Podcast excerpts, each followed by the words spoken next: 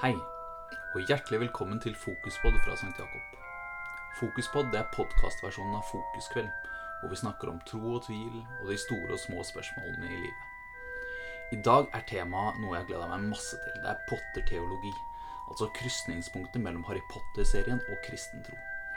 Og jeg har med meg en gjest som sammen med meg skal prate om Harry Potter-serien og vår fascinasjon for det universet, og reflekterer rundt hvordan denne fortellinga treffer oss og er med på å gi oss et språk for vår kristne tro. Om du ikke har lest bøkene eller sett filmene, så kan det nok være en del referanser du går glipp av. Det er også ganske mye spoilers i vente. Dere er herved advart. God fornøyelse.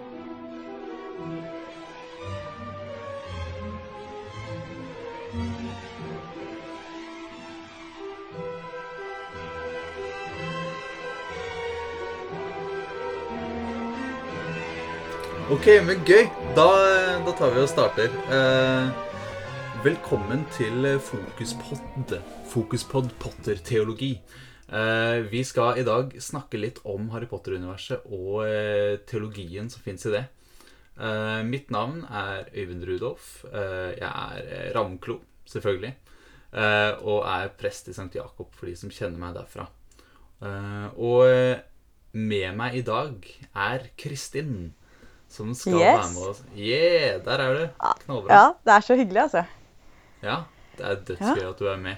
Eh, Kan ikke du bare introdusere deg selv med alt det vi trenger å vite av Potterfacts og alt mulig? Jo, ikke sant? Det kan jeg gjøre. Um, ja, jeg heter Kristin, da. Ja, jeg skulle egentlig ønske at det het Weasley til etternavn. Det må jeg jo bare Det kan vi ikke bare få det på plass med en gang. Jeg syns egentlig jeg kunne vært det òg. Ja, nå kan ikke folk se det, men jeg er jo rødtopp. Eh, og så tenker jeg litt at jeg er litt sånn eksentrisk som mora. Og så er jeg litt distré og klums, sånn som Ron. Litt besserwisser, eh, som Percy. Litt rampete, sånn som tvillingene. Litt klein som faren, og litt romantiker som Ginny. Eh, og da har man egentlig blitt kjent med alt ved meg. ja. Eh, ja. Det er fantastisk Eh, miks, da. Det må jo sies. ja, takk. Ja. takk. Jeg er veldig fornøyd med den. Ja. I, hos Pottermore så er jeg definert som Gryffindor. Eh, Det føles litt sånn forutsigbart, men det er sant. Hvordan forutsigbart, da? Nei, jeg føler litt sånn her eh, God kristen jente bør passe inn på Gryffindor, liksom. Det er morsomt, fordi jeg tenkte på det i går. Vi har, vi har hatt ganske mye sånn eh, Potter-snakk i St. Jakob i det siste, på Discord og sånn. Og jeg kom, Ja. kom på at jeg, jeg tror ikke Jeg kan ikke komme på noen som jeg kjenner som er Gryffindor. Så det er veldig gøy. Ja, ja, ja. Ja, det var litt gledelig, faktisk. ja jeg syns det er en veldig fin ting. Mm. Så jeg har tatt på meg da Gryffindor eh, for, eh, for anledningen. Ja. Nice. Hva, hva er skytsvergen din, da? Har du testa det også på sånn Pottermore, eller My Wizarding World, som det heter nå? Ja, ja, det er sant. Det er jo det det heter. Eh, ja, det har jeg gjort. Jeg var ganske spent, faktisk. Eh, Jeg endte på det, noe av det mest, aller, aller mest vanlige, eh, som er delfin. Okay. Men jeg ble veldig lykkelig. Så jeg var veldig fornøyd, egentlig. Åh, det er fantastisk. Men hva med deg? Ja Delfin er jo et av favorittdyrene mine, men jeg fikk, jeg fikk et uh, ord som jeg måtte google. Shrewd. Og det betyr Oi. da spissmus. Uh, Oi. Ja. Jeg ser at du prøver å ikke liksom le av det. Uh, Ja, det var litt krevende. Det var utrolig nedtur. Uh, men det er jo sikkert bra, det. Jeg, eh, Ja. jeg vet ikke helt hva som ligger i det, men jeg har tatt den flere ganger Nei. faktisk, og var ikke fornøyd første gang. Ok, Eh, jeg, jeg ble det samme en gang til. Så sånn er det. Da må du nok bare leve med det. Sånn er det. Nei, men da, Ja. da har folk fått en god intro eh, til oss, føler jeg. Eh, Ja. En ting til. Filmene eller bøkene? Ja.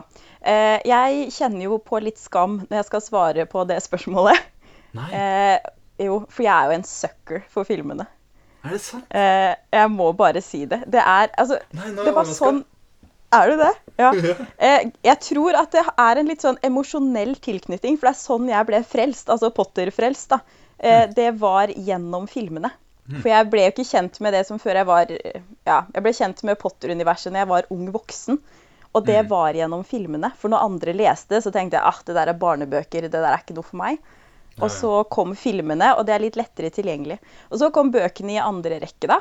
eh, Med alle gleder og sorger det førte med seg. Men har du lest dem? Ja da, jeg har det. Ja. Flere ganger.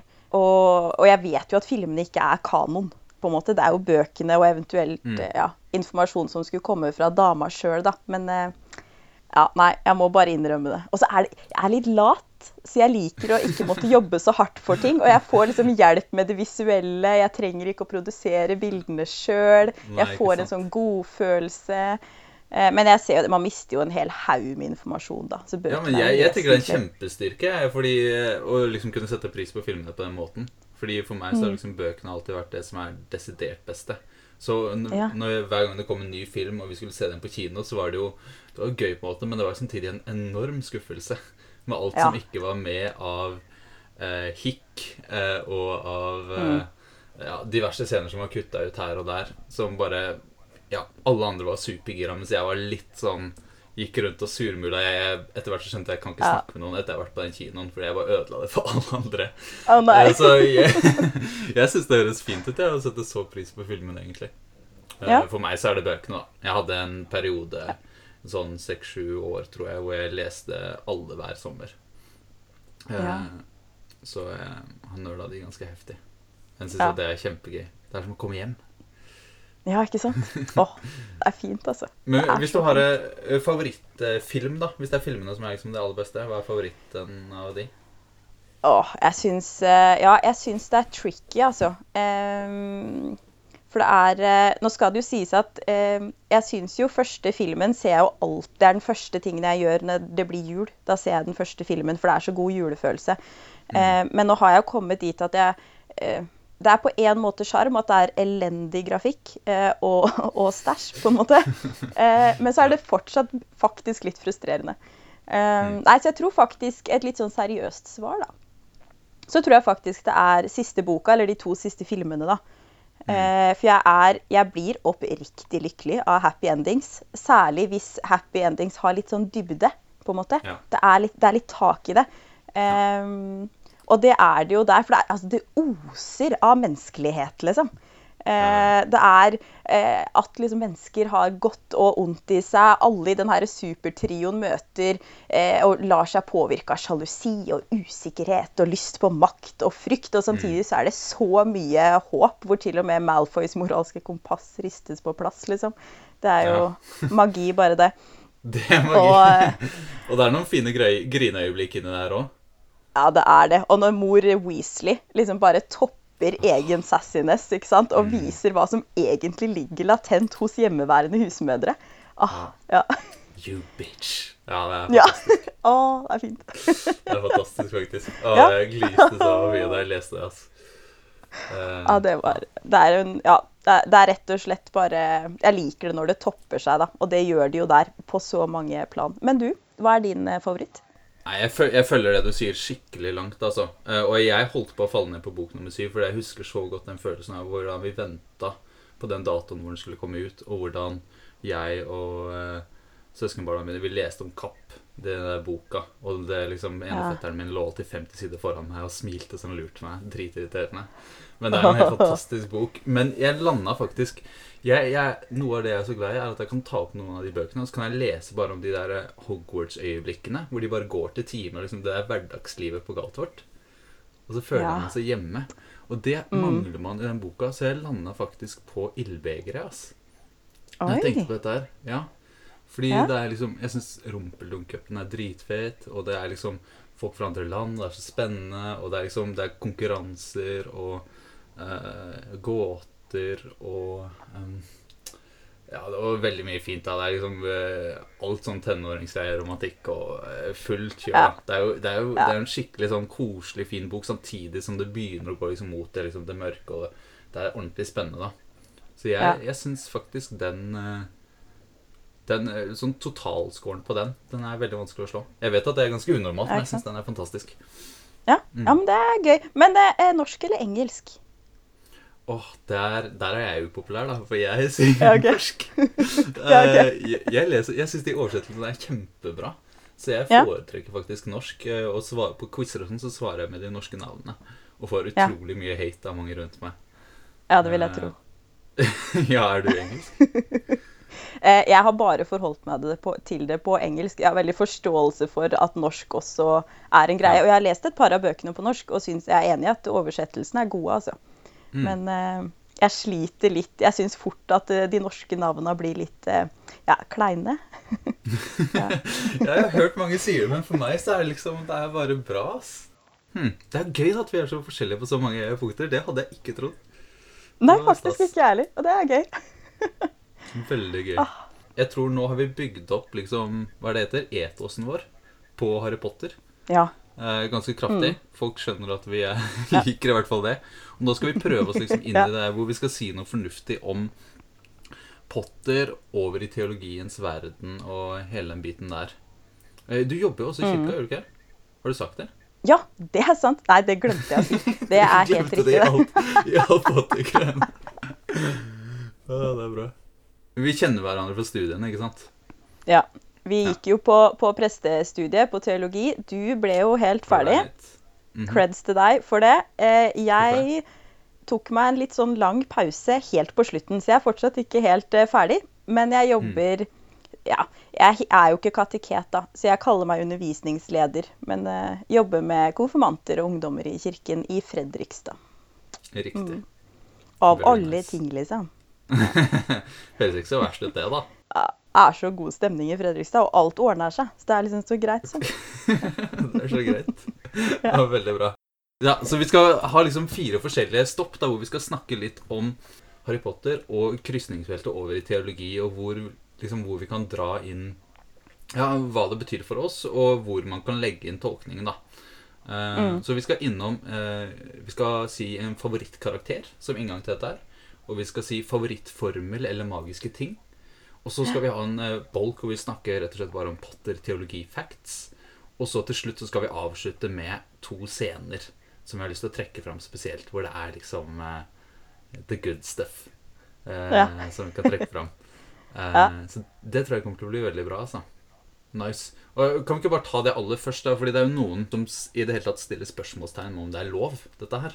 Å gjøre liksom Harry Potter, ja, hva har det med Mm. kristen tro å gjøre, eller teologi? Og det er jo til og med også kirker som har banna det, og alt mulig. Eh, Jeg har lest litt om en del eh, både kristne teologer og forskere som kritiserer eh, Og som faktisk ja, bannlyser det i, i kristen- og kirkesammenheng. Da. Eh, Og det er jo ikke eh, Jeg tror i hvert fall veldig få da, av de som henter inspirasjon fra Harry Potter inn i kristne og kirkelige settinger, har en tanke om at det er magien vi henter inn. eh, Eller troen på magi. Eh, Men det vi henter inn, er jo en eh, historie som er stappfull av akkurat det vi forholder oss til i kirken. Måte, Hva er mennesket? Hva er livet? Hva er godt? Hva er ondt? Hva er kjærlighet? Hva er død? Hva, det er liksom alle de store temaene bare eh, formidles på en sånn utrolig fascinerende måte i den historien. da. Mm. Eh, så jeg er jo litt der, jeg skjønner jo nesten ikke hvordan man kan snakke om teologi og kristendom og kristne tradisjoner uten å nevne Harry Potter. på en måte. For det, for det er så utrolig gode bilder på det. da. Og så har jo altså forfatteren sjøl har jo sagt at det var jo en grunn til at hun i starten ikke ville si noe om sin egen tro, f.eks. For, for hun Mm. ville jo faktisk ikke at Potter-universet skulle dyttes inn i en sånn her kristen forståelse av ting. Nei. Mens etter hvert så begynte hun jo å lette litt på lokket, da.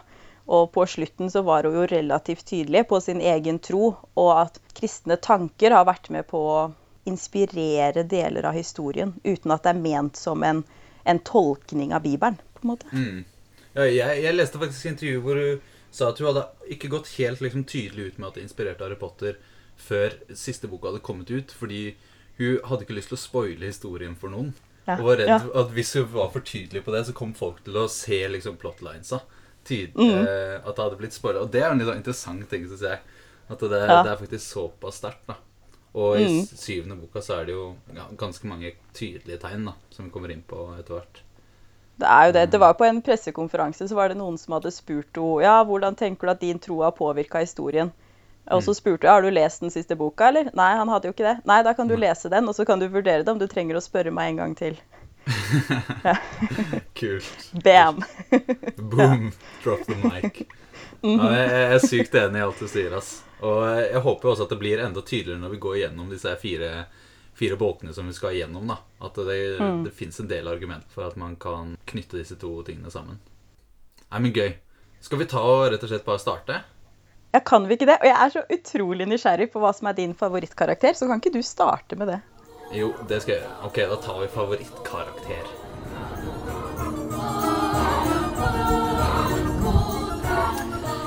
Og min favorittkarakter er rett og slett Albus Parsifal Ulfrik Brian Humlesnurr.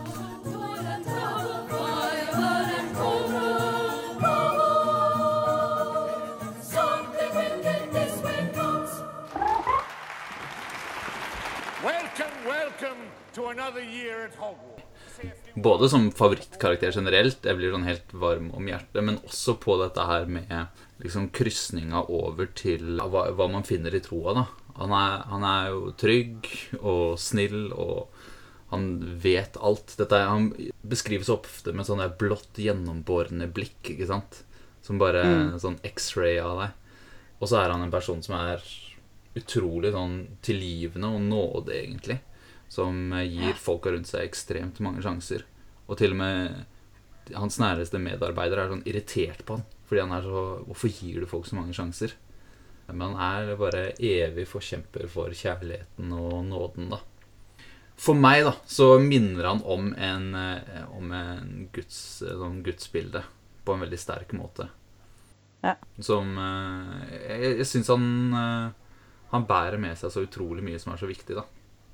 Jeg har et par ting til, men har du lyst til å Hva er din eh, til humlesnurr? Mitt forhold til han? Ja. Ja. Jeg, jeg hadde en stund et litt sånn ambivalent forhold til han. Ja. Eh, men- og, og kanskje særlig fordi at han eh, Han blir jo for meg også et, et slags sånn en, en variant av et gudsbilde. Mm. Eh, på grunn av en del av de tinga som du sier. Og så, eh, når jeg eh, skjønte litt mer av eh, greia med Harry Potter, Mm. og liksom hans rolle i denne historien om eh, det gode og det onde og kampen mellom, mellom det gode og det onde, så kjente jeg at ah, dette syns jeg er litt vanskelig. Eh, hvorfor velger han å forholde seg til det her på den måten han gjør? Eh, den rollen han tar, de beslutningene han tar. Er det kalkulert? Er det kjærlig? Så jeg hadde en litt sånn ambivalent periode, altså. Hvor jeg tenkte oi, OK, hva tenker jeg om dette? Og så blir det da fordi at det er noe av det jeg ofte slåss litt med eh, i forhold til Gud også. Åssen for, forholder Gud seg til det onde? Um, og ting som skjer. Så ble jeg liksom sittende og tenke litt på det også. Um, så da var det litt sånn eh, Hva syns jeg egentlig om han? Liker jeg han? Er jeg skeptisk? Men jeg har jo landa på at kjære vene, for en fyr. ja. Ja, men jeg, det, Eh, jeg har jo det. Men eh, ja. Ja, men jeg syns det gir veldig mening, de refleksjonene. Jeg kan kjenne meg igjen i det. Det er jo et spørsmål inni der, og som også blir stilt da, av uh, noen av fiendene tar det på et tidspunkt. Jeg husker ikke helt hvem, men som sier liksom et eller annet med er, er det, Eller tenker han det selv, kanskje? Om han liksom bare er blitt født opp som et slags offer Ja. som skal gis, ikke sant? Nært uh, eh, det, det er jo en veldig sånn ekkel greie det der. Men så er det jo en scene helt på slutten eh, hvor de er på denne Kings Cross, hvor det virker som kanskje Humlesnurrer visste mer. Eh, eller han hele tida har sagt akkurat det de trengte å vite på en eller annen måte. Eh, Ja. Og det er, det er en veldig fascinerende rolle akkurat den han har i forhold til Harry, som blir en sånn Jesus-figur. Eh, og det I et intervju med Daniel Radcliffe så sier hun at eh, han er som eh, John the Baptist to Harry. At han er som Johannes døperen. Eh, eh, som gjør liksom veien klar, som rydder vei, og som, og som peker ned mot uh, Harry, på en måte. Og sier det er han vi må Ja. satse på. Eh, Veldig sterk selv, men uh, ofrer seg veldig mye da. Og det er jo bare, Det er et eller annet med den der styrken og kjærligheten der som jeg syns er så utrolig fascinerende. Hvordan han går fra å ha det der varme blikket som er bare, og så utrolig inkluderende, til det derre vanvittige stålblikket når han står og svinger staven med ild mot uh, inferiene mot slutten Ja. av uh, Halvblodsprinsen der. Som er helt sånn Bare sånn fullstendig eh, knallhard mot uh, det onde, da. Mot det som er ondt. Og det er Av og til så er det jo litt skummelt å ta i det gudsbildet som også er litt sånn hardt, og som tar opp kampen mot det onde. Uh, fordi det blir på en måte så voldsomt. Men jeg syns han avbilder eh, Han gjør det på en måte forståelig at Gud kan ha flere sider, da, på en eller annen måte. Ja, ikke sant? For det kommer jo absolutt også fram flere sider altså hvor han selv setter seg i sårbare situasjoner. Mm. Eh, både ja, både ute på samme sted eh, når de skal drikke, Ja. eh, og, og for så vidt oppe i tårnet i jo et av eh, seriens store, store øyeblikk. Mm. Eh, når, han, eh, når han skal dø, så er det jo Ja, han setter seg selv i sårbare situasjoner. Eh, og det, det hjelper meg på en måte til å håndtere han, kanskje. Ja. Ja, ja, Særlig som gudsbilde, kanskje. Ja. Mm. Ja, det, det er jo veldig fascinerende det du sier med når han er utpå der og han drikker dette begeret, som minner utrolig mye om Jesus i Getsemane. Hvor han sier at 'nå må jeg drikke dette', og selv om sier jo til Harry hvis, hvis 'Jeg kommer til å trygle deg om å ikke drikke det, men du må få meg til å drikke det'. Det er jo en sterk parallell til når Jesus sier liksom har, kan jeg få slippe? Kan dette begeret gå forbi? Men vi gjør sånn som du vil. Det er jo Ja. Nei, det er veldig Ja. fascinerende, syns jeg. Veldig. Eh, vi, vi gikk jo på en måte ganske fort gjennom det at han er så trygg og snill og altvitende, men jeg kan si for min egen del at det er det jeg kjenner mest på, denne tryggheten. Og det er jo en klassisk figur i fantasy. Den er bestefarsfiguren, som det kalles. Som vet alt, og som eh, ah, Du vet liksom at når den personen dukker opp, så er det ikke Da går dette fint allikevel.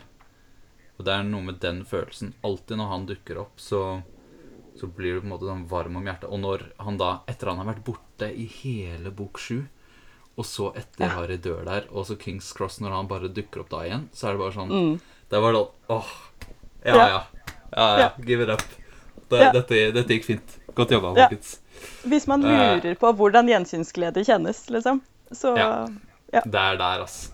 Mm. Nei eh, det, er, det er nesten så jeg mister litt ordene når jeg snakker om han. Men eh, jeg er i hvert fall stor fan. ja. You may not like him, Minister, but you can't deny Dumbledore's got style. Kan vi ikke få høre din, eh, Kristin? Hvis Jo. går videre. Ja, og hold deg fast. For dette, dette møter jeg mye motstand på. Ja, så jeg har vurdert å finne meg en annen, men jeg har ikke det. Eh, det er Bra er gjort det. one and one only, og det er Severus Snape. Ja. Always. Always. Åh, ja, jeg bare sier det always. Åh, ja. Nei, vet du hva? Ingen motstand fra meg her. Altså, det syns jeg er fantastisk.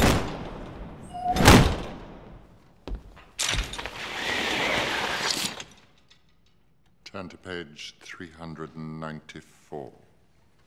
For det første så er jo altså karakteren i seg selv er jo bare helt rå, eh, liksom. Eh, og så han er jo der liksom gjennom hele historien og er eh, uforståelig og uforutsigbar. Eh, jeg husker jo, selv om jeg som sagt da så disse filmene for første gang som ung voksen, så syns jeg han var ganske skummel og kunne minne meg litt om sånne skumle personer som jeg kan møte på jobb eller eller sånn, sånne som man ikke helt skjønner hvor man har, som er litt kritiske og småsinte. Og, ja. Ja, det er sant. Uh, og det er jo mange som også har vært veldig sinte på han, og det skjønner jeg veldig godt. Jeg har for så vidt vært det litt sjøl òg. Men så er det et eller annet uh, med han, liksom, sånn utover at han er helt eh, rå på sarkasme. Mm. Som jo er et av Jeg tenker jo det er en nådegave. Som, som, som definitivt kan forvaltes til glede og oppbyggelse for andre. Ja, det er sant. Ja. Eh, om han bruker det på den måten, vet jeg ikke. Men, eh, men den rollen han har, og utviklinga han har, eller kanskje mest utviklinga vi har av vår forståelse av han, Mm. syns jeg er utrolig fascinerende. Um, og alt, alle de valga han tar, som man skjønner etter hvert da, at må ha vært helt utrolig tøffe valg. Ja. Um, så, så jeg er nok litt sånn Nå er jo jeg litt sånn protestperson generelt, men eh, når alle driver og snakker om at eh, å, det er så mange flotte offer, og det er så mange som liksom gir så mye, og som kjemper så hardt, og særlig da ikke sant, trekker fram Harry som å, det her ultimate offeret, så tenker jeg nei, vet du Ja. hva, Harry og hans offer, det kan gå og legge seg. Er det noen som ofrer noe, så er det Severus Snape. det, er, er liksom Ja, Harry har sine øyeblikk, altså det skal han ha. Men jeg tenker liksom her står eh, Severus i en sånn For det første så viser han jo på en måte menneskeligheten inkarnert. Altså det er en sånn eh, Hvordan vi virkelig har eh, mulighet til å gjøre både godt og ondt, og hvor vrient det kan være å stå midt oppi det. Eh, men så på et punkt som eh, ikke alltid er så lett å definere, så, så tar han et valg om hva han ønsker, og så må han stå Altså, han ofrer sitt gode navn og rykte. Han Ja. ofrer egen trivsel. Det kan jo ikke ha vært en fest, tenker jeg, å drive og henge tett på Voldemort, på en måte. Nei, nei, absolutt ikke. Ehm, og det er jo helt klart eh, livsfare eh, forbundet med å henge med han. Og det er jo ikke bare én gang, det er liksom stadig vekk, og det er hele tida. Og eh, hvor misforstått han kanskje kan ha følt seg, på en måte. For ja, men jeg mener jo egentlig, men så blir det ikke helt sånn. Og noen ganger fordi at sånn må det bare være, og andre ganger fordi det bare Folk misforstår det han egentlig driver med. Um, så jeg syns at det offeret han gjør, som jo også kommer av kjærlighet, den liksom store dyden i Harry Potter-serien, liksom, å virkelig ha mot og ofre for kjærligheten, der syns jeg han skal ha creds, altså. Ja. Um, og så er det noe med rollen hans som sier noe for meg i forhold til, apropos Dumbledore og gudsbildet, Um, tilgivelse og nye sjanser. Der syns jeg han er et deilig eksempel, rett og slett. Ja. Uh, for jeg syns eh, alt det han har gjort i starten, uh, i sin tidligere mørke karriere, Mm. det sier Dumbledore at jo, jeg ser hva du har gjort. Mm. Eh, ikke OK, men samtidig, jeg ser hva som ligger i deg, jeg ser hva du kan. Mm. Eh, og som lar han få en kjemperolle. Altså, det er jo den siste spellen Harry bruker eh, i den siste kampen mot eh, Voldemort, Expelliarmus, er det jo faktisk Snape som lærer Harry. Å um, oh ja, er det det, ja? -hmm. Ja. eh, sånn ordentlig, da. Eh, Så det er jo faktisk Snape som lærer Harry et av de liksom, hovedtinga han trenger. Eh, Det vet jo sikkert ikke han da, men sånn rent historiemessig så syns jeg det er utrolig spennende. Og litt sånn bibelsk. Det var jo noe av det jeg likte best når jeg var ung også. De her historiene om David og Peter og de her i Bibelen som ikke er perfekte, og som ikke får til alt, og som har driti seg ut, og som har gjort eh, ugreie ting. Og så blir de vist ny tillit. Eh, Ja. De blir sett på det de kan, det de er gode på. Og der syns jeg Snape er et eh, magisk bilde på tilgivelse og nye muligheter. Mm. Ja. Ja, så, Så det var min forsvarstale. Har det er ingen grunn til å forsvare, men jeg, jeg er jo så enig med deg, og det er kjempefint. Da, du, han blir på en måte en litt sånn menneskelig figur å identifisere seg med, på en måte. Samtidig som han er forbilde i alt det uh, selvoppofrelsen. Og det er jo helt sant, det er jo, det er jo en total selvoppofrelse. Han eh, Og så er det jo fascinerende også, for han er jo menneskelig på de måtene at uh, Han har jo en del muligheter hvor han kunne gjort ting ganske mye greiere. Han kunne jo vært litt snillere mot Harry underveis der. Han kunne jo Ja. Eh, kunne jo bobba han litt mindre i timen og eh, Ja. Så han, er jo, han gir jo etter for noen sånne fristelser samtidig, da. Eh, eh, men så veldig menneskelig i det. Og det er jo helt fantastisk den opplevelsen man får som enten seer eller leser når man ser historien hans til slutt, da. Eh, Ja. Og bare den hvordan man bare snur helt bildet. Og det eh, Det er en sånn evig sannhet, tenker jeg, den der at du Du kjenner ikke alt med et menneske du møter. Du vet aldri historien bak. Eh, og er- han er jo virkelig noen kroneksempel på hvordan han blir dømt nord og ned av oss som lesere og seere eh, i eh, mange år. Og så, og så bare snur vi plutselig alle, og så er han helten. Bare fordi vi får vite Ja. hva som egentlig lå bak. Og det er jo Ja, det er noe å ta med seg, tenker jeg. ass. Man, eh, Ja, det er det, altså. det er alltid mer bak som man ikke ser. Det er det. Og det, er jo, det var jo først et stykke ut i filmene at han fikk et ørlite hint eh, fra Rowling om hva som var greia med han. Ehm, Ja. For når de spilte inn type ah, Jeg er litt usikker på når den siste boka kom, men den kom jo mens de drev og spilte inn type film fire, kanskje? Tre-fire? Mm. Ja. Ehm, så valgte hun å gi han et ørlite hint om hva som vi vet nå, da, at ligger okay. bak ordet 'always'. Hmm. Så han kunne få litt hjelp til å virkelig liksom bare fylle ut kompleksiteten da, i hans eh, karakter. Ja. Hm, så stilig. Det, vi, vi må jo bare ta et lite øyeblikk og bare anerkjenne tidenes casting med Alan Rickman der òg.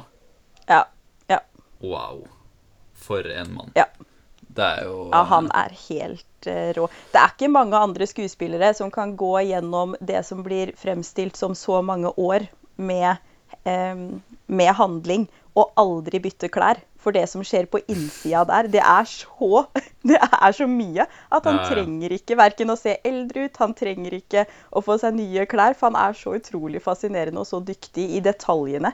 Ja, I liksom ansiktet og Helt rått, altså. Ja, det er sånne små ting i ansiktet. Jeg er jo sånn der utrolig god på å vise den der forakten. Og, Mm. og det er stemmen også. In these classes I will attempt to penetrate your mind. er sånn derre Det er så sykt, og derre mm, Det bare glir fra meg. Bare ekkelt og glatt og alt mulig. Det er bra, ass. ja veldig. Åh, nei. Det er to veldig, veldig bra karakterer, syns jeg. Det er jo mange flere vi kunne Det dratt fram Uh, honorable mentions til uh, en liten hovedkarakter der, Harry Potter. Uh. Ja, ja da.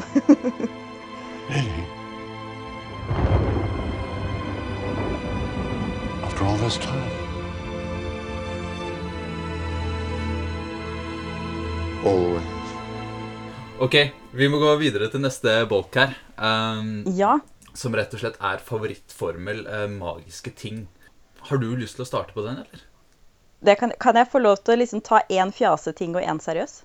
Ja, absolutt. Ja, OK. Da kaster jeg meg over det. Eh, den fjasete er eh, en litt sånn dobbeltting. Eh, jeg skulle gitt veldig, veldig mye for å ha eh, veska til Hermione. Eh, alt på ett sted. Eh, slippe å rote vekk ting. Um, og hvis jeg i tillegg da kunne liksom bare si Accio Ja, For du må ha. Accio for at den skal funke. Ja, helt klart. Det, det, ja, de henger, de henger sammen som Ja, to ting som henger sammen. Em, ja. Eh, og det, det hadde vært eh, helt nydelig. Eventuelt eh, det å kunne få ting til å rydde seg av seg selv dit hvor det bor. Da hadde min mann i hvert fall blitt veldig, veldig glad. Mm, Ja. ja. Som Ja. i starten av film seks. sitat humlesnurr 'That was fun'. Eh, ja. eh, ja. stemmer, stemmer, stemmer. Ai, ai, Og det, ja. Jeg syns jo absolutt at det hadde vært både gøy og deilig og fint og nyttig.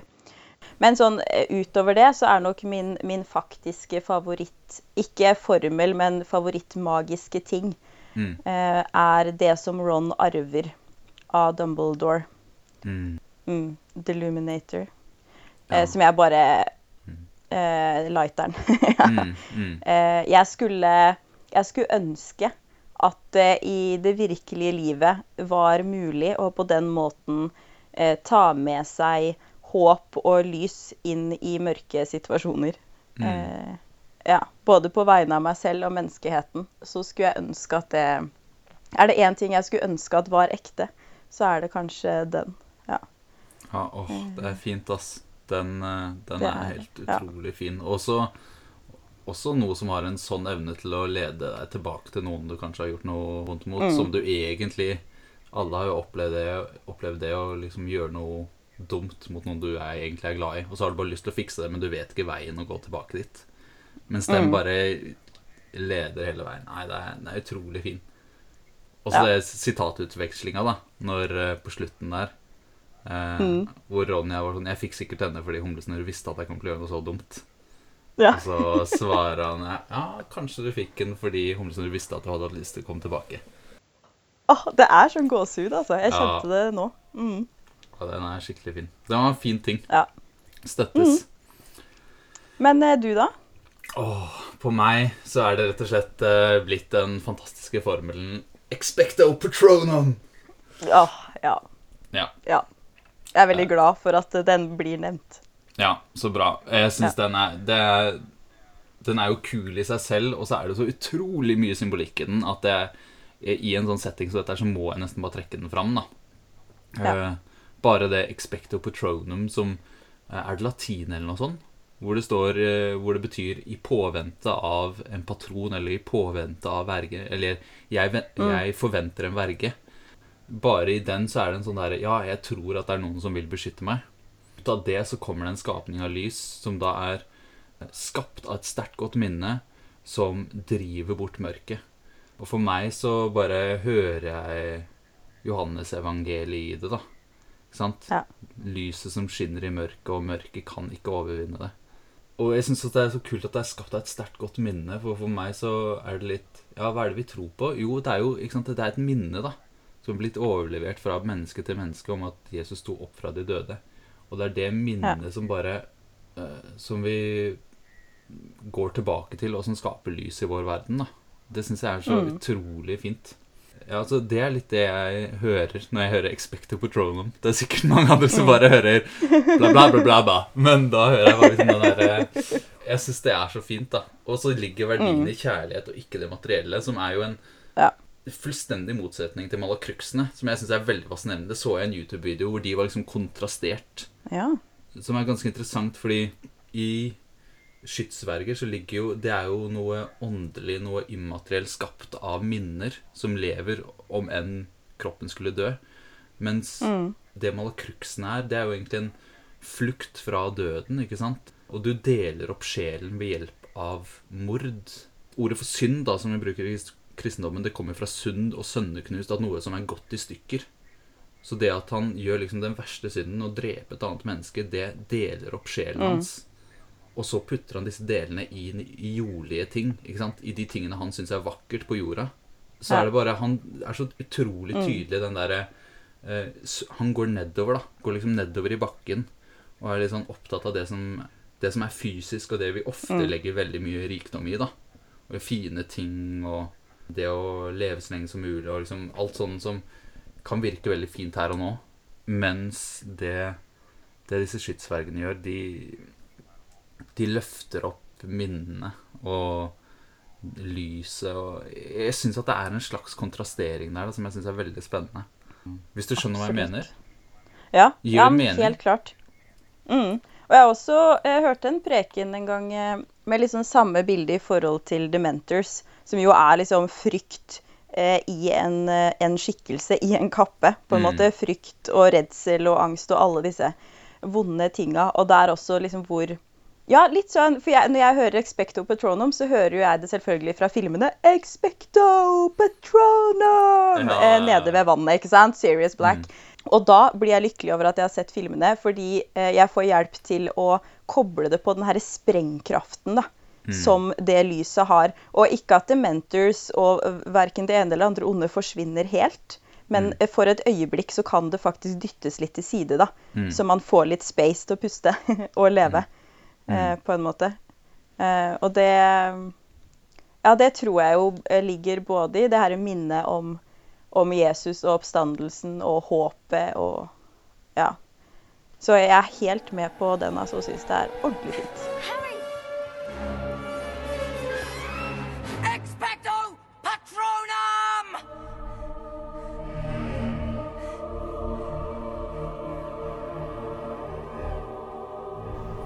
Åh, oh, Åh, Mm. fint. Um, skal vi rett og slett dure videre? Ja, kan vi ikke det? Jo. Potter teologi facts. Og eh, på Potter teologi facts så tenkte jeg at vi skulle rett og slett bare ta opp alt det vi ikke får plass til på det andre. Så bare kommer Ja. vi bare kjører på med liksom noen sånne ting som er bare sånn gøy å vite.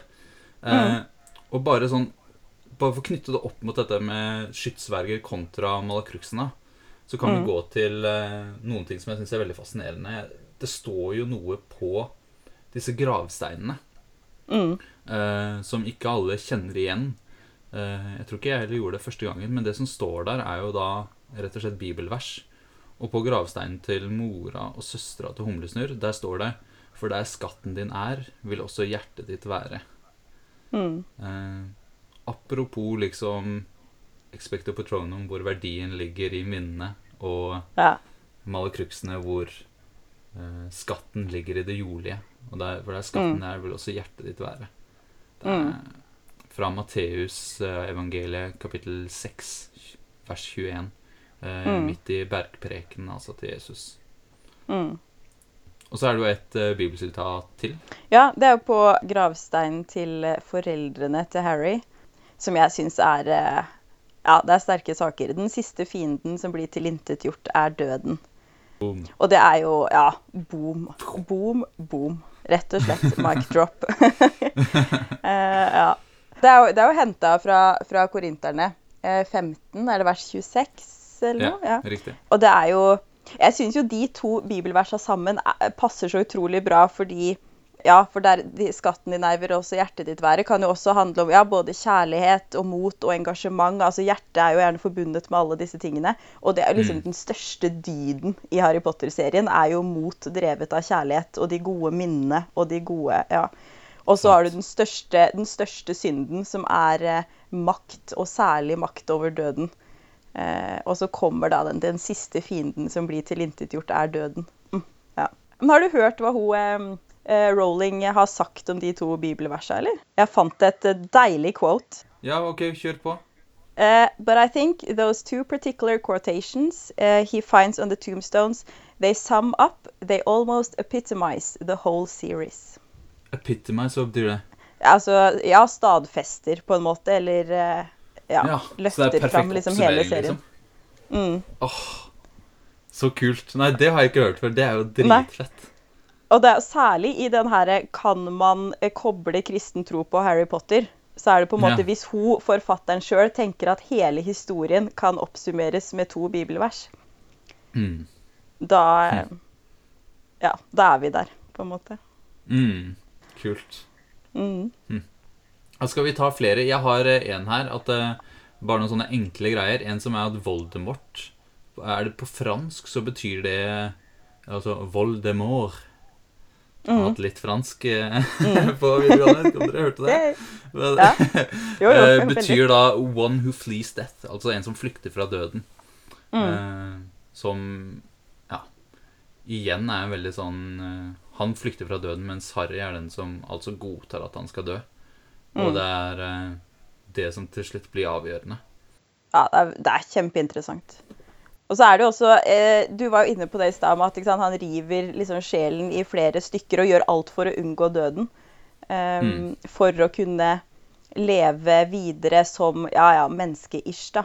Eh, men det er, jo, Mm. det er jo fascinerende i forhold til hvordan, hvordan skal vi forholde oss til døden? Skal vi fornekte det? Skal vi eh, eh, på en måte bare Nei, det er ikke en del av det å være menneske. Det må vi unngå for alt det er verdt. Men jo mer Mm. han river sjelen i stykker, jo mer han tar makt over det, jo mer fjerner han seg fra det å være menneske, på en måte. Ja. Eh, og det er ikke det at vi skal liksom omfavne eh, døden, men samtidig så er det jo Det er en interessant måte å tenke at det fins eh, nyanserte måter å forholde seg til det på, kanskje. I hvert fall. ja. Verdien av å anerkjenne sin menneskelighet, på en måte. Mm. Eh, Det siste, siste facten jeg har Jeg vet ikke om du har noen flere, men dette er liksom de jeg kom på. Var at, Og det, den er, dette er litt uh, far eh, Litt sånn longshot, kanskje. Men hvis man leser Jesaja uh, 64 vers 8 uh, på engelsk, så står det dette her. You Lord are our Father. We are the clay. You are the potter. We are all the work of your hand. Det er jo kanskje litt sånn far out, men det er i hvert fall noen som har trukket det fram. da, at eh, Ok, hvorfor heter de akkurat Potter? liksom? Og så går det Ja. faktisk an å gå til Bibelen og finne et eh, sitat hvor eh, Gud selv kalles Potter. Eh, Altså pottemakeren. Og at vi er lagd av leire. Ja. Ja. Mm. Mm. Kult. Så ja, det, det er jo litt kult. Kan hende at det ikke er noe i det. Altså, jeg har ikke hørt uh, Rowling si noe liksom, om det stemmer eller ikke, men litt stilig er det jo. Ja, det er jo det. Ja. Ja. Skal vi da ta siste bolk, rett og slett? Ja, Åh, det er nesten litt synd. Jeg syns dette er veldig Ja. ja det var det. Kanskje vi må lage flere, flere episoder. Mm. Ja, å, det hadde vært gøy. Det hadde vært veldig Ja. To scener du spesielt har lyst til å trekke fram i, eh, når vi nå snakker om eh, Harry Potter og kristen tro. Skal jeg rett og slett starte? Jeg kan du ikke det. Jeg skal rett og slett til eh, Kings Cross Station, mm. som vi har vært litt innom før. Så jeg syns det er en helt sånn fantastisk scene. Bare det at man møter Humlesnurr igjen. Altså, vi skal til King, Kings Cross Station eh, etter eh, Harry er blitt drept i skogen. Og så er han plutselig der, og så er det bare hvitt. Og så kommer Humlesnurr, og så er det ja, hvor er vi? Ja, jeg tror vi er på Kings Cross. Only cleaner. And without all the trains. King's Cross, is that right? This is as they say, your party. Og det er så utrolig mye som jeg liker i den eh, Det ligger så utrolig mye symbolikk, og alt er liksom strippa ned. Så det som er der, blir så utrolig tydelig. Og humlesnurr er der, og det er bare en sånn varm følelse. Og hele den scenen er for meg et sånt bilde på et håp, da. Om at det er noe mer. Eh, Og måten de snakker om det på, syns jeg er bare så utrolig eh, varmt, da. Og eh, hvordan han sier liksom Ja, du kan ta et tog videre. Ja, og sier han litt mens han smiler humlesnurr. Og det syns jeg er så ekstremt vakkert. Og så sier han også Do not pity the dead, pity the living. And most of all those who live without love. Og det syns jeg også er en sånn Går tilbake til det hvor, hvor er skatten din, da? Ja. Det sier både noe om liksom at eh, det å være kristen, det handler ikke om å bare leve det Det handler ikke om å leve på Kings Cross og liksom i etterlivet. Det handler jo om å være til stede i livet og se hvem som eh, lider i denne verden nå. Og så er det også en tro på at det som faktisk har den største verdien, det er kjærligheten, da. Så eh, pity the living and most of all those who live without love. Og Første gang jeg hørte 'pity the living', jeg skal vi synes synd på alle som lever. Men for meg så handler det liksom om å være til stede i verden, da. Ja. Og så er det jo eh, denne klumpen med Voldemort ikke sant, som ligger Ja. der. Og Harry spør ja, kan vi redde han. Også veldig sånn interessant ting som jeg føler går an å tolke inn i mye. Jeg kommer tilbake til det på den andre scenen etterpå, faktisk. Eh, og så, til slutt, så sier uh, han må gå, og så bare roper han ja, bare én siste ting. Skjer dette bare i hodet mitt? Mm. Altså det fantastiske svaret som er bare Of course it's happening in your head, Harry. But why on earth should that mean it's not real? Det, det setter på en måte fingeren på noe som vi ofte Hva vi tenker om hva som er ekte, da. Og hva vi legger verdi i. Og hvordan vi av og til kan være litt sånn uh, Vi kan av og til nedvurdere ting. eh, og si liksom Ja, ja, men det er jo bare sånn, eller ja, det skjer bare i hodet ditt, og det er en sånn og sånn greie.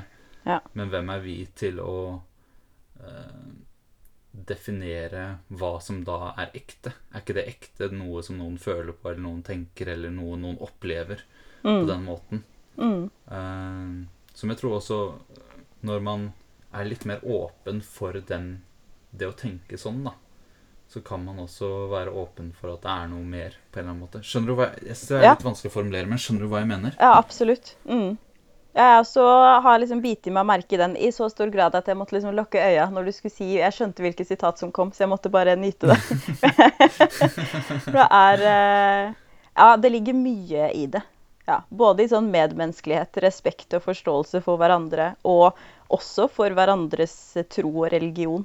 Um, Mm. Og synet på hva er ekte og hva er ikke, hva er sant og hva er ikke, er kjempeinteressant. Ja. Mm. Kunne vært en egen eh, fokuspod, bare det sitatet, liksom. Ja, jeg er helt enig. Er helt enig. For meg så oppmuntrer det meg litt til å eh, Til å ta vitenskap og sånn på alvor, men også å se at ja, kanskje fins det også andre ting i verden som kan fortelle oss noe om sannhet, da. Ja. Utenom hva vi kan måle. Og undersøke og bevise på den slags måter. Ja, absolutt. Jeg er jo gift med en psykolog, så jeg har jo et par sånne miljøskader eh, knytta til det med ting som skjer inni hodet. Um, men, der også, så, men der også så tenker jeg igjen, altså Hva eh, Det man opplever, er eh, Det jeg opplever som sant, er sant for meg. Eh, og man kan godt si at man ikke skal bli altfor relativistisk, og at alt er sant og at alt er greit, men jeg tror at det ligger et fint ideal i å prøve å strekke seg langt, da i å ha forståelse og respekt for hva andre mennesker opplever og tenker som sant og ekte. Så enig. Professor? Is this all real? Or is it just happening inside my head? Of course it's happening inside your head, Harry. Why should that mean that it's not real? Nei, det, det var den scenen som jeg hadde lyst til å trekke fram der. Eh, har du lyst til å ta en? Ja, det kan jeg gjøre. Jeg går for min absolutt, absolutt, absolutte favoritt. Eh, som du har hørt før, for så vidt, at jeg liker. For vi har jo hatt eh, Harry Potter-gudstjeneste. Eh, Det har vi ikke sagt, men vi hadde det på ja. Spekter i ja, 2018. Spekter 2018. Mm. Åh, Shout-out til alle som var der. Det var helt sinnssykt gøy. Ja, det var en helt rå opplevelse, faktisk. Ja, Nei, men vær, vær så god. Jeg, Ja, nå vet jeg hva som kommer. Jeg gleder meg. Ja. Eh, Temaet for den gudstjenesten var jo på en måte lumos, eh, lys. Ja. Og det er eh, For meg så handler jo det om min favorittscene. Det er rart å si det, men det er det. Når Dumbledore dør. Og det er klart, her er definitivt min største referanse er filmene. Fordi det er de Ja. som liksom spiller på alle de emosjonelle strengene i meg på en gang, som skaper en helt sånn ekstrem klang. Og det er flere grunner til det, kanskje. For det første så skjer det så utrolig mye rett i forkant av selve døden, på en måte, for Dumbledore, da. Malfoy som egentlig skal drepe. Severus som vet at det er han som skal komme til å gjøre det. Dumbledore som vet at nå må det bare skje, og det er sånn her det må skje. For at ting skal forløpe greit videre. Som har et sånn her ovenfra-blikk, som ikke henger seg opp i detaljene utover de detaljene som er viktige i et sånn kjærlighetsperspektiv. da, At Malfoy skal få slippe, eh, at Severus må gjøre det for at Ja, ikke sant. Der er det masse detaljer. Og det er helt vesentlig for den store fortellingen. liksom. Det er en sånn trykkoker da, av en scene som jeg bare ah, ja. Ja. Eh, og Dumbledore har et quote, jeg vet ikke helt hvorfra, men det er fra et eller annet annet sted, hvor han sier uh, It's important to fight and fight again and keep fighting, for only then can evil be kept at bay, uh, though never quite eradicated. Og der står de, liksom, og så kjemper de hver sin kamp, på en måte. Kampen mot det onde i seg, og kampen mot det onde rundt seg. Og så kommer jo det, da det jeg syns er magisk. Når han da er død, og i filmen, da, hvor man da ser at The Dark Mark kommer på himmelen blant skyene, eh, med et litt sånn grønt eh, lag av skyer og tåke. Og stemningen er jo bare nitrist og mørk. og, Ja, det er, og det, du har på en måte både sorgen og frykten, og, og det er så mye på ja, og er en gang. Det er jo det merket over Galtfort, ikke sant? Den tryggeste plassen. Ja. Det er jo det som er så Det er bare he, det, Alt er knust, liksom. Ja. Uh, ja, det er liksom det siste stedet, på en måte, som, Mm. eh, som mørket og døden og Voldemort skulle få tak i. Og særlig da når det er Dumbledore sjøl som ligger der og ikke lever lenger. Og så starter en med å løfte tryllestaven, og så kommer det en liten sånn ball av lys helt på tuppen. Eh, og så kommer det en liten til, og en liten lyskule til, og en liten til. Og så blir det flere og flere og flere lys. Og det er jo fint i seg selv, som en stjernehimmel. Eh, men det er jo det som skjer etterpå, som gjør at jeg bare får helt eh, goosebumps og tårer i øya. Mm. Eh, og det er jo når da det blir så mye lys til sammen, og så mye kjærlighet til sammen, og så mye godhet og håp til sammen, eh, at eh, The Dark Mark sprekker opp i en sånn ja, kime av lys, da. Så for min del så er jo den scenen bare et sånn eh, hva skal vi si, lysende eksempel, pun intended, på et av hovedtemaene da. Ja, ikke sant? I serien for min del. Så det er betydningen av håp og fellesskap, og håpet som ligger i det å være et fellesskap, og kunne stå sammen. Um, Og igjen det sitatet som du hadde fra i stad, fra Bibelen, at lyset skinner i mørket, og mørket har ikke overvunnet det. Mm. Og så er det ikke alltid at jeg har så mye lys å by på, men kanskje jeg har litt, og så kanskje du har litt, og kanskje noen andre har litt, og så kan man gi hverandre håp. Litt sånn som når Den norske kirke og Kirkerådet og, og, og har hatt det her Hele Norge tenner lys på Facebook. Mm. Eh, Sett ett lys i vinduskarmen. Eh, Ja. Og så er det mange som har gjort det sammen for å minne hverandre på at vi er her for hverandre, og det fins håp, og det fins godhet og kjærlighet og fellesskap. Ja. Ja, det, det er superfint, altså. Og det, det For å dra det tilbake til Harry Potter også, så er det jo De lysene tennes jo på en måte i sorg eller i minne eller av den kjærligheten som er gitt. Eh, så det er jo Igjen så er det de mange som liksom skaper et svakt gjenskinn av det store lyset som nettopp har blitt slukka, og så, og så blir det nok til å bare fjerne det aller verste. Nei, det er fint, ass. Det er fint. Ja, ja det er det. Ja, takk for at du tok den med. Det var bra. Ja, det var en glede. Hvis jeg skal ta min nummer to her, da, så var det den jeg kom på først, faktisk. Og jeg tror det, kanskje denne kommer til å overraske litt. Men for meg så er det en sånn scene som jeg har tenkt utrolig mye på. De tingene som sies der, og som markeres der. Og det er rett og slett når Det er på slutten av um, Føniksordenen, faktisk.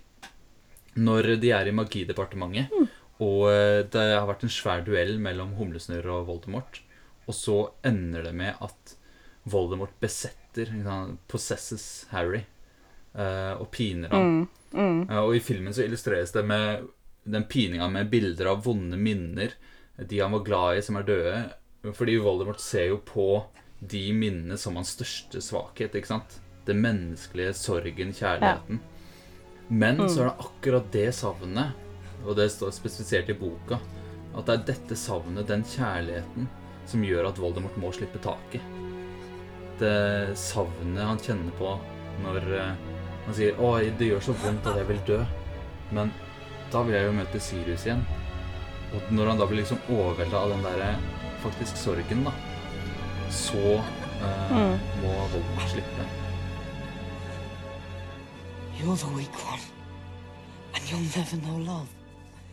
Or friendship. And I feel sorry for you. For det onde tåler ikke kjærligheten. Det er som mørket som smuldrer bort ikke sant, når lyset kommer, sånn som du sa. Og det skjer gang på gang allerede fra film 1, ikke når Harry tar Voldemort i trynet. Så er det kjærligheten da, som gjør at han bare Ja. smuldrer bort. Og jeg, jeg gikk faktisk Jeg fant et sitat fra boka, da. Hvor, dette, hvor eh, Humlesnurr forklarer denne, eh, hvorfor Voldemort måtte slippe. Uh, og så tar Ja. og det tar utgangspunktet Ja, hva er det inni det der rommet i Magidepartementet som vi ikke kom inn i? Og så forteller han da jo inni der så er det kjærlighet. De forsker på kjærlighetens magi. Eh, It is the power held within that room that you possess in such quantities and which Voldemort has not at all. That power took you to save Sirius tonight. That power also saved you from possession by Voldemort, because he could not bear to reside in a body so full of a force he detests. In the end, it mattered not that you could not close your mind. It was your heart that saved you. Eh, Jeg syns det er så fascinerende, fordi i forrige fokus på den så snakka jeg litt om Guds hellighet som er i tempelet i Det gamle testamentet. Guds hellighet, kjærlighet, som er en sånn voldsom kraft. Så voldsom at mennesker kunne ikke være nær Gud. Og jeg tror at det er liksom denne kjærligheten som det, det, det, er, et vanskelig bilde å forstå, da, dette med Guds hellighet som er så kraftig, men jeg forstår det litt mer når det er med Voldemort. Fordi at det kan være vanskelig å ta imot kjærlighet for en som har dyrka mørket så mye som Voldemort. da. Fordi han har fornekta kjærlighet, han har distansert seg fra det, han har prøvd å flykte fra sin menneskelighet. Uh, det, følger du dette? Gir det mening? Uh, Ja, ja, okay, ja men fordi det, absolutt. det minner Mm. for meg om Javert i Le Miserable, som hele livet har levd etter loven, loven med stor L. Og så når han blir møtt med nåde Mm. av kjærligheten, av den fangen han jakter, så ødelegger han. For han, Ja. han klarer ikke ta imot det, for det bryter med alt han har levd etter. Det, liksom, det snur opp ned på livet hans. Mm. da. Uh, og jeg tror dette her er bakgrunnen for den lille dulten vi ser av Voldemort på gulvet på Kings Cross. Det er grunnen til at Harry ber Voldemort om han kan klare å få til litt anger rett før Voldemort dør. Klarer du å få til litt anger nå? Klarer du å liksom Ja. samle sjelen din igjen? Det er jo anger som må til for, at, for å omgjøre malakruksene, ikke sant? For å klistre sjelen sammen igjen. Fordi veien til å kunne ta imot kjærlighet er å innse hva han har gjort mot andre mennesker. Se hvilken smerte han har påført andre. Og først når han begynner å anerkjenne kjærlighet Og kjærlighet inneholder også savn og smerte. Det er følger av kjærlighet fordi vi er menneskelige. Men når han begynner Ja. å anerkjenne alt det han ser på som svakt, først da kan han begynne å ta det imot. På en måte. Åh, det, det, det, dette er en lang tankerekke, men for meg så er det for, for meg så er dette liksom denne kraften som er i kjærligheten eh, i møte med det onde, som jeg syns er en sånn Det er på en måte med å utdype den der Hvis Gud er kjærlighet, og dette er liksom han i sin essens Det forklarer på en måte litt hvorfor det er litt vanskelig å forholde seg til, på en eller annen måte. Mm. Eh, Og um, Nei, jeg vet ikke. Kan, kan du uh, si noe? Gir det mening? Jeg lurer på om jeg bare snakker meg bort. Jeg syns Ja. Nei, jeg, jeg syns det gir veldig mening. Det er utrolig fascinerende og kjempeinteressant. Og for så vidt overraskende på en måte at det liksom står fram så tydelig. Um, men jeg syns det er veldig interessant. Jeg tror, jeg tror jo I bøkene og filmene så er det jo en veldig ekstrem situasjon, da. eh, I forhold til Voldemort, i hvert fall. Men jeg tror nok at mange, eh, hvis man nyanserer det litt, kan kjenne seg litt igjen. Eh, bare i enkeltsituasjoner, på en måte. Hvis man har gjort ting, og kanskje både trengt å forsvare det overfor meg sjøl. At jo, jo, men sånn ble det. Eller ja, ja, du, du, du. Og så setter jeg litt sånn opp en slags mur og en vegg eh, for å beskytte meg sjøl litt, eller for å kunne holde på det, holde maska. Eh, som gjør at å skulle ta til seg enten noen gode ord eller tilgivelse eller et eller annet tilbake faktisk kan oppleves eh, vrient. da. Eh, og det, det tror jeg nok at, eh, at flere kan, kan kjenne på, men i en helt annen grad da, Ja, ja, det, enn i det eksempelet der. det blir jo sånne ekstremer, men det kan jo kanskje være en vei til å snakke om synd, da, som av og til er litt vanskelig å snakke om. Og si at det, de tingene vi gjør, det gjør også noe med oss. Og det er jo en grunn til at vi starter gudstjenester med synstilgivelse, f.eks. For eksempel. Fordi det er noe med det å eh, anerkjenne både hva vi har gjort, og hva det gjør med oss. Eh, og så tror vi at når vi anerkjenner det, så blir vi møtt av disse her nådige Et sånn varmt, blått, gjennomtrengende blikk. Uh, Mm, ja, ikke sant? Uh, og at det faktisk er mulig. Men, men for å komme dit, så må man også se at eh, ja, det gjør faktisk noe vondt med meg, da. Det, det, Der hvor jeg velger eh, det lette og ikke det rette, som eh, Humlesnurr ville sagt. Ja. Ikke sant? Ja. Mm. Ah, amen. Ja. You're a fool, Harry Potter. And you will lose everything. He's back.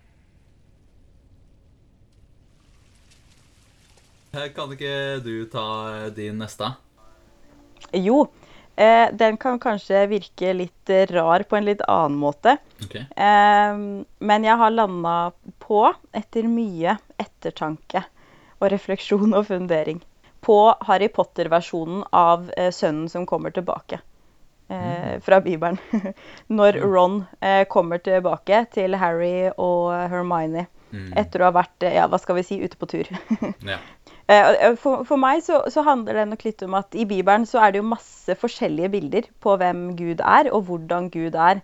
Og ulike mennesker har gjennom ulike tider tatt til seg forskjellige av de, litt sånn ut ifra hva man har trengt, kanskje.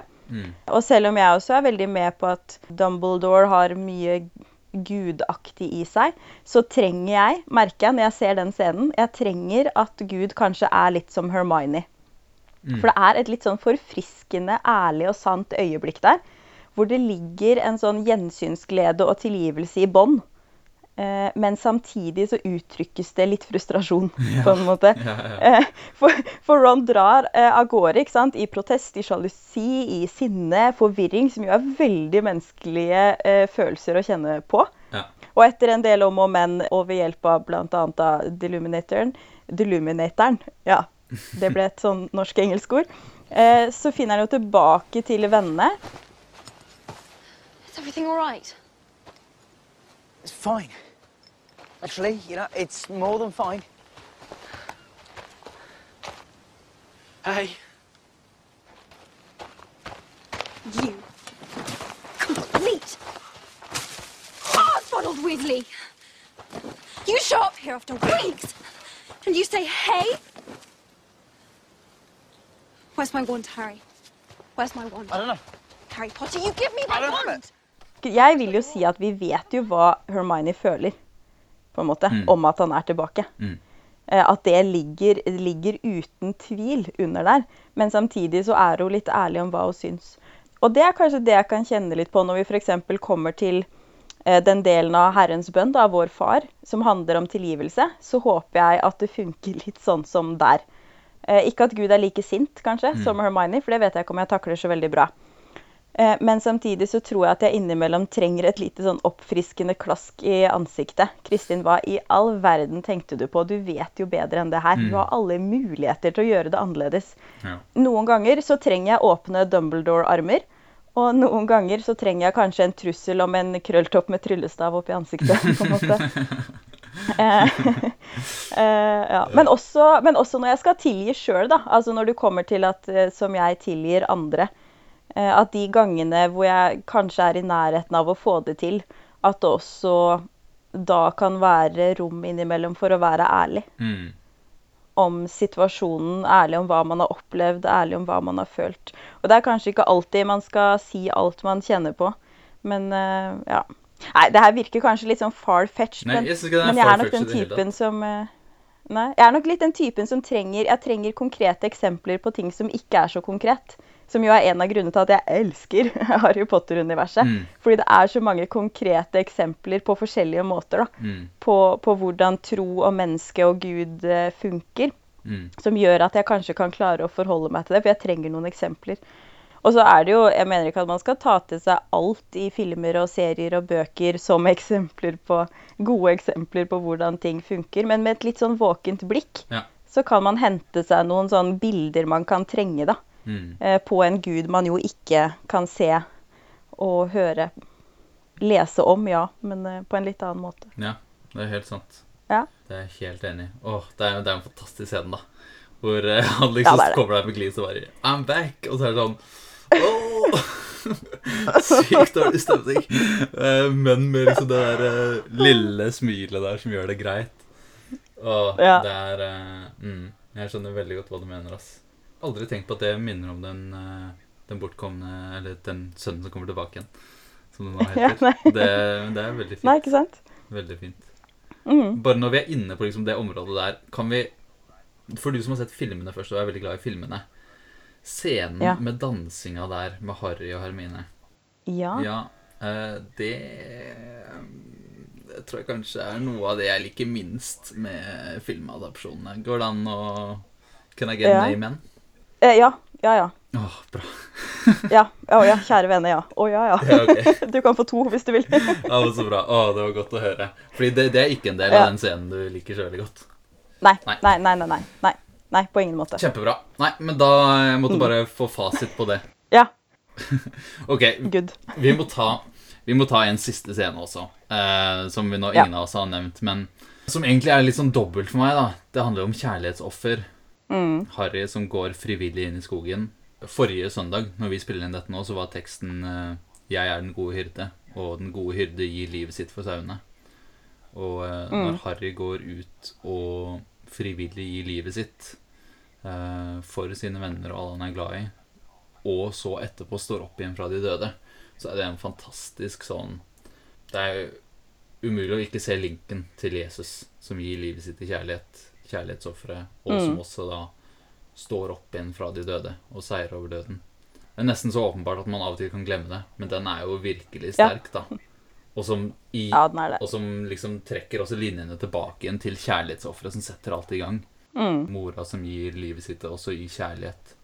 Som da ikke står opp igjen, men som blir til liv for, eh, for sønnen. Mm. Ja, Som jeg vet Sunniva Gylver bruker ofte. Dette arret er jo ikke det nye Humle som sier at det er jo ikke det arret som er liksom det synlige merket. Det er på en måte lagd av det onde som angriper han, men allikevel så er jo det arret det er jo, er jo litt som korsets tegn. At det er et symbol på den kjærligheten. Kjærlighetsofferet som er gitt, da. Det, Mm. må med på en eller annen måte i en Ja, det må det. Ja. Og selv om jeg jo dissa offeret til Harry tidligere, helt i starten, så, så er det ikke så verst, altså. Jeg skal innrømme det.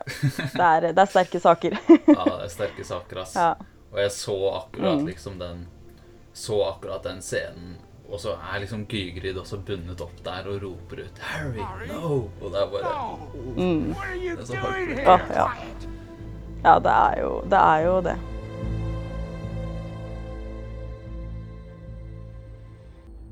Harry Potter. The boy who lived.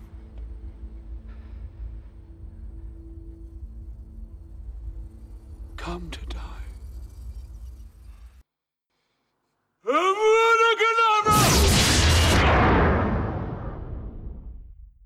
Men eh, det er, jo som det, det er jo som man da leste litt tidligere på, på gravsteinen, at den siste fienden som må tilintetgjøres, er eh, døden. Mm. Og da er jo den scenen der eh, sånn sett vesentlig. Ja, det er helt sant. Den er veldig viktig, faktisk. Ja. Hm. Nei, men fint. Skal, skal vi si at vi rett og slett er i mål, Kristin? Ja, Det tror jeg jammen vi kan eh, gjøre. Dette var jo helt sinnssykt gøy. Jeg er spent på hvor langt dette blir. Hvis du har hørt på helt fram til nå, så er jo det utrolig hyggelig. Jeg håper at du har lyst til å Kanskje, kanskje vi skal lage noe mer en gang. Vi får se. Vi får se. Ja. Men dette var i hvert fall veldig gøy. I hvert fall for eh, meg. Og Og for oss, meg tror jeg. Ja, så eh, hvis det var gøy for deg som hører på, så er det helt fantastisk. Og hvis du syns at sånne ting som dette er gøy, så må jeg bare si at vi har jo tenkt å arrangere en Harry Potter-gudstjeneste i St. Jakob. Eh, som nå egentlig skulle vært 22. mars, som er blitt dytta litt på. Og så får vi se når den blir. Men det eventet det kan du finne på St. Jakob eh, sine Facebook-sider. Får vi se om det skjer digitalt eller real life, eller hva som skjer. Og fordi vi måtte vente, så har en gjeng satt i gang et sånt strikkeprosjekt. Så nå driver folk og strikker eh, gensere og luer og skjerf eh, til eh, Som de skal ha på seg på denne gudstjenesten. Så de har brukt tida nå til det. Går jo an å bli med på det. Og så er det også en gjeng som på, i Minecraft og på St. Jakobs Discord, som det går an å finne en link til på Facebook Hvis du går inn der, så finner du på Discord altså, så finner du en gjeng som driver og bygger hele Galtvort i reell størrelse inne i Minecraft. Og det er jo millioner av brikker, men de er dritflinke, og der sier de at det er prosjekter nok til alle som har lyst til å være med. Så hvis du har lyst til å være med og bygge Galtvort eh, på Minecraft, så vil jeg anbefale å bli med inn der og treffe den superhyggelige gjengen som sitter og spiller. De gir deg en liten innføring. Jeg hadde ikke spilt Minecraft før. Nå har jeg bygd vinduene på Great Hall. Jeg bare sier det. Jeg bare sier det. Wow. Å, wow. Det er jo helt spredt. Ja, så, dere ut. Ja. Magisk, som jeg ville sagt. Mm. oh, nice. Nice, nice, nice. Nei, men Veldig gøy. Da, da takker vi for nå. Takker for følget til deg som har hørt på. Så ses vi. Ha det bra.